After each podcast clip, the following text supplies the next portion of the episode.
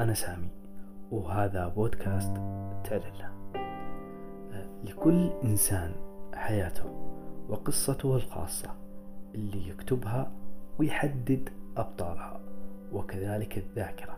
هي ملك لك أنت. تحدد وش تتذكر وش راح تنسى. مع أن النسيان شيء صعب ولكن مع مرور الوقت راح تنسى. الذكريات هي قصة نرويها لأنفسنا بصمت. أبطالها أشخاص كانوا معنا. الحياة تمر بسرعة لدرجة أنك تكبر بالعمر وأنت ما زلت طفل من الداخل.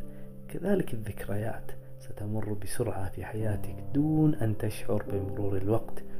آه، لذلك خذ كل وقتك مع من تحب وعيش اللحظة في كل تفاصيلها عشان تكون منسوخة في بالك. وكذلك عشان ما تندم في يوم من الأيام على التقصير في الماضي.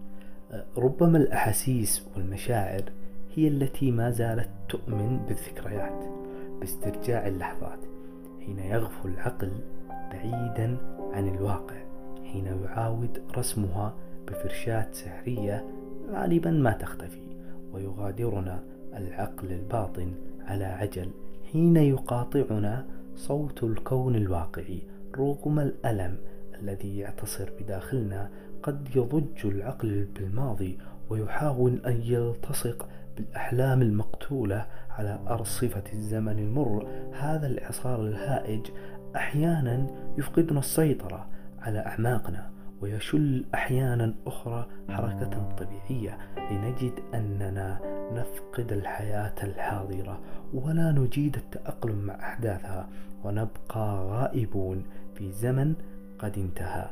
لكن طياته كانت بالنسبة لنا الأمل والجمال والحياة التي بنتها. طفولتنا. فالذكريات ستبقى كالحكايات. لا ينقصها العمر. تمر من كل الأزمنة. ملامحها تتناقل كالنصوص وتسرد في الروايات وسنكون يوما ما أبطالها لننقل للقارئ تفاصيل حياتنا من طفولتنا إلى اللحظات الجميلة الممزوجة بالألم وإلى ذكرى الرحيل الذي أرغمنا على مغادرة أماكننا وهي تقف أمامنا تدمع وتحاول التشبث ببقايانا العالقة على أطراف الطرقات كطفل قد انتزع الموت منه. أمه فبهذه التفاصيل التي احتوت أحلامنا سيخلدنا التاريخ ويعطي لأرواحنا البقاء في الحروف حينما نكتب كل الذكريات بمخطوطات تحتضن عمق مشاعرنا وترتعش بها أجسادنا حين تذكرها فكيف لكل هذه الذكريات الباقية أن يكون الزمن ممحاة لبصمتها. لا شيء يجيد أن يمحو الذكريات من أعماقنا. العيون الجميلة لا ترى إلا الجمال والخلود لا يمكث إلا في القلوب الرقيقة. والحب لا يعبث أو الحب لا يعبث بالأوراق البيضاء. والحنين كالدم لا يتوقف عن الجري في أوردتنا وكذلك الذكريات الجميلة لا تموت بل تنبض بأرواحنا. Música